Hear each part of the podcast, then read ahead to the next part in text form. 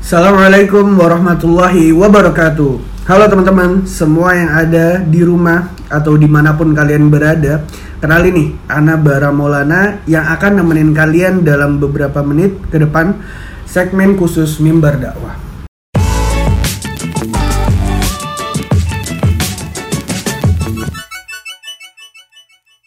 Oke, pertama-tama eh, kita mukadimah. Alhamdulillah, alhamdulillahilladzi arsala rasulahu bil huda wa dinil haq liyudhhirahu ala dini kulli wa kafa billahi syahida. Ma ba'd. Teman-temanku sekalian, sekarang hari ini Ana nggak sendirian. Ada salah satu pemateri yang luar biasa. Kakak tingkat Ana ya di KPI. Siapa, Bang? Eh, Muhammad Rifai. Muhammad Rifai, masya Allah.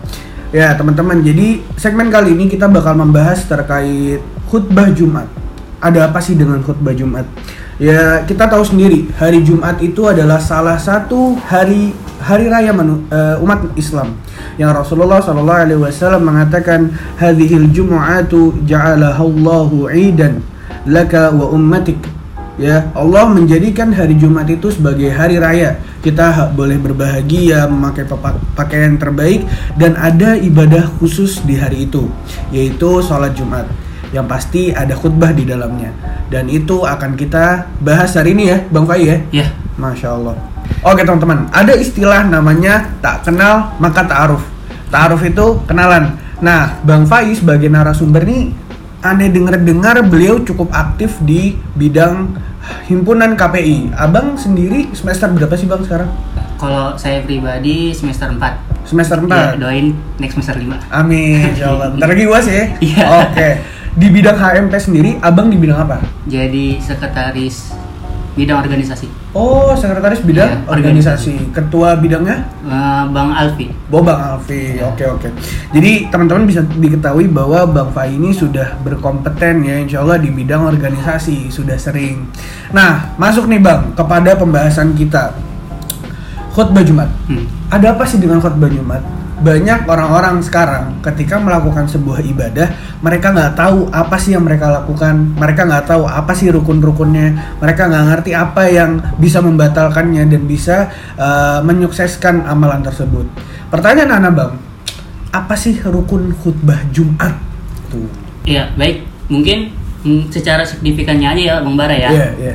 Eh, Yang pertama itu kita harus memuji Tuhan kita Allah Subhanahu Wa Taala di dalam kedua khutbah Jumat kita.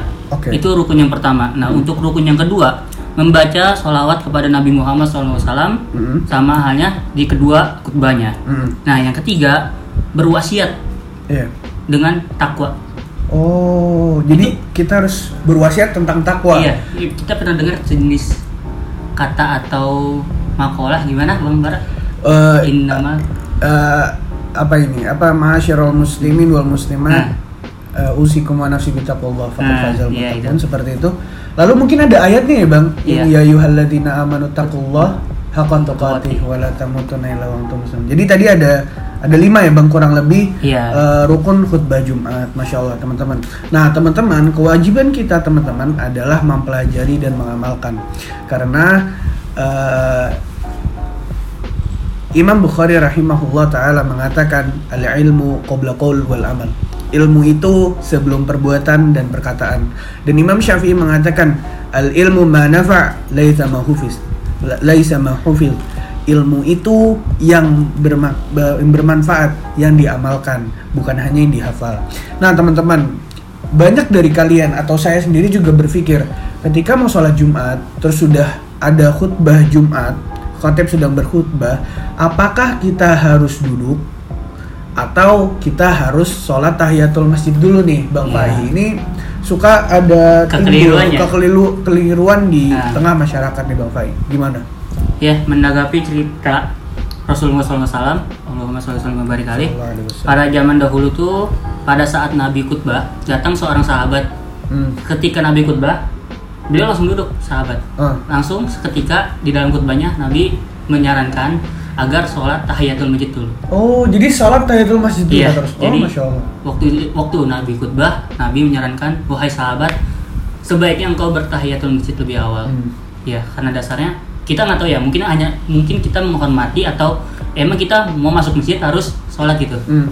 iya Oh jadi ketika uh, ada seorang sahabat datang ketika lagi sholat Jumat terus Rasulullah sedang khutbah Hah. Rasulullah nyuruh buat sholat dulu. sholat dulu Oh jadi gitu teman-teman. Jadi kalian gak usah bingung lagi. Ini alhamdulillah udah dapat ilmunya. Ketika kalian sholat Jumat terus datangnya mungkin telat udah khutbah, kalian sholat dulu teman-teman. Gak apa-apa. Nah mungkin tapi kan di Indonesia ini banyak orang yang belum tahu bang. Iya. Terus suka, ya lu ngapain lu sesat lu gitu. Teman-teman, ketika kalian sudah punya dalil yang benar dengan pemahaman yang benar, it's okay, terabas aja bro. Kita jalanin sesuai syariat, gitu kan bang? iya siap mantap Nah, banyak permasalahan juga di umat muslim ini ketika khutbah dia males-malesan bang. Hah. Kenapa sih harus khutbah dulu? Kenapa sih harus pakai dengerin ceramah dulu? Kenapa nggak sholat aja sih? Nah makanya Anda pengen bertanya, kenapa ketika sholat Jumat itu ada khutbahnya dulu bang? Kenapa sih? ya banyak menurut bang Bara itu banyak pendapat orang yang menyangka aduh males nih ya kan Ah. kenapa harus ada khutbah Jumat dulu kenapa nggak kita kayak sholat sholat biasa kayak sholat zuhur gitu ya Iya. ya kan kenapa kita harus khutbah eh harus ada khutbah di dalam sholat Jumat nah karena khutbah merupakan salah satu syarat sah dari sholat Jumat yang Oh jadi syarat Ya. sah bang? Iya. Oh. Jadi syarat sahnya Jumat yang tidak didahului dengan adanya khutbah maka syarat Jumat itu tidak sah. Jadi ketika sholat Jumat dilaksanakan, tetapi Iya. nggak ada khutbah, berarti nggak sah ya? Iya nggak sah. Itu syarat Oh, syarat iya. sah sholat Jumat Ha, ha, ha. Hmm. Wah ini daging banget nih teman-teman. Hati-hati kalau kalian ngomong ke ustadz ustadz nggak usah nih pakai khutbah ngapain langsung. Kelamaan gitu ya? Iya kelamaan jangan teman-teman karena salah satu ruk- eh, syarat sah ya Salah sah. syarat sah sholat Jumat teman-teman. Dan ya banyak ya ilmu yang kita dapat hari ini. Tapi masih ada beberapa pertanyaan teman-teman. Stay tune.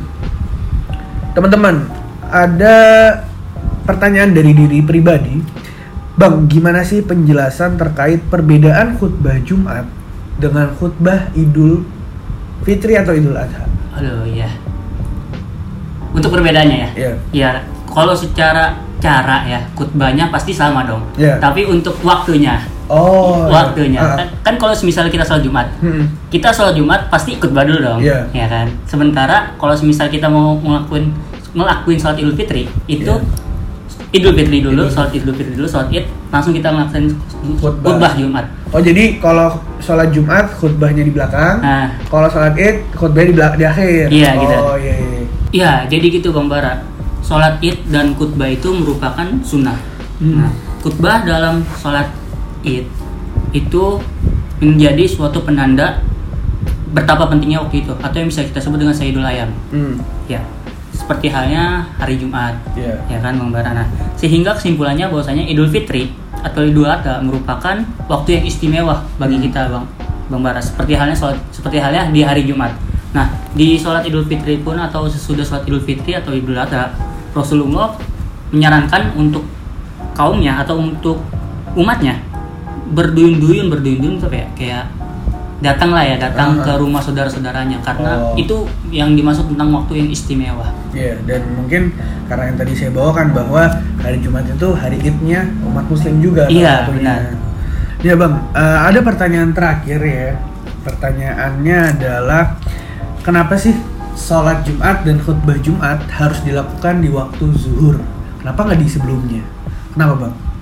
Hmm, ini cuman pendapat liar saya ya. Ya. Ya mungkin kita tahu dong kalau misalnya udah menjadi adat lah bahwasanya sholat Jumat itu dilaksanakan di waktu zuhur, Iya. ya kan? Itu yang pertama. Mungkin kalau misalnya Bang Bara bilang di sebelum waktu zuhur atau di sesudah waktu zuhur itu nggak boleh, itu nggak sah. Hmm. Ya, untuk sholat Jumat dan khutbah Jumatnya. Karena untuk sholat Jumat itu untuk mengganti sholat zuhur. Iya. Ya Bang Bara. Oke, Eh, jadi gitu teman-teman. Sebuah amalan, sebuah syariat itu harus dijalankan sesuai apa yang sudah Allah turunkan. Allah Subhanahu wa taala mengatakan, Allah Subhanahu wa taala berfirman, "Ati Allah wa atiur Rasul wa ulil amri minkum." Ketika Rasulullah Shallallahu alaihi wasallam sudah melakukan khutbah Jumat di hari Jumat dan di waktu zuhur, ya udah laksanakan maka agama ini sudah sempurna Allah sudah sempurnakan agama ini tinggal kita menjalankannya dengan sebaik-baiknya. Dan teman-teman di hari Jumat ada waktu yang mustajab ya dari terbitnya matahari sampai terbenamnya matahari di waktu maghrib. Itu adalah waktu yang mustajab untuk berdoa menurut pendapat Imam Nawawi rahimahullah taala. Dan kita dianjurkan untuk bersalawat kepada Rasulullah sallallahu alaihi wasallam. Eh, Rasulullah mengatakan man shalla alayya wahidah sallallahu alaihi asyarah Orang-orang yang bersalawat kepadaku sekali, maka Allah akan bersalawat kepadanya 10 kali atau dengan 10 kebaikan. Innallaha wa malaikatahu yusalluna 'alan nabi ya ayyuhalladzina amanu sallu 'alaihi wa sallimu taslima. Mungkin itu teman-teman yang bisa saya dan Bang Fai bawakan. Thank you semuanya untuk dengerin. Uh, stay tune di episode-episode mimbar dakwah selanjutnya. Assalamualaikum warahmatullahi wabarakatuh.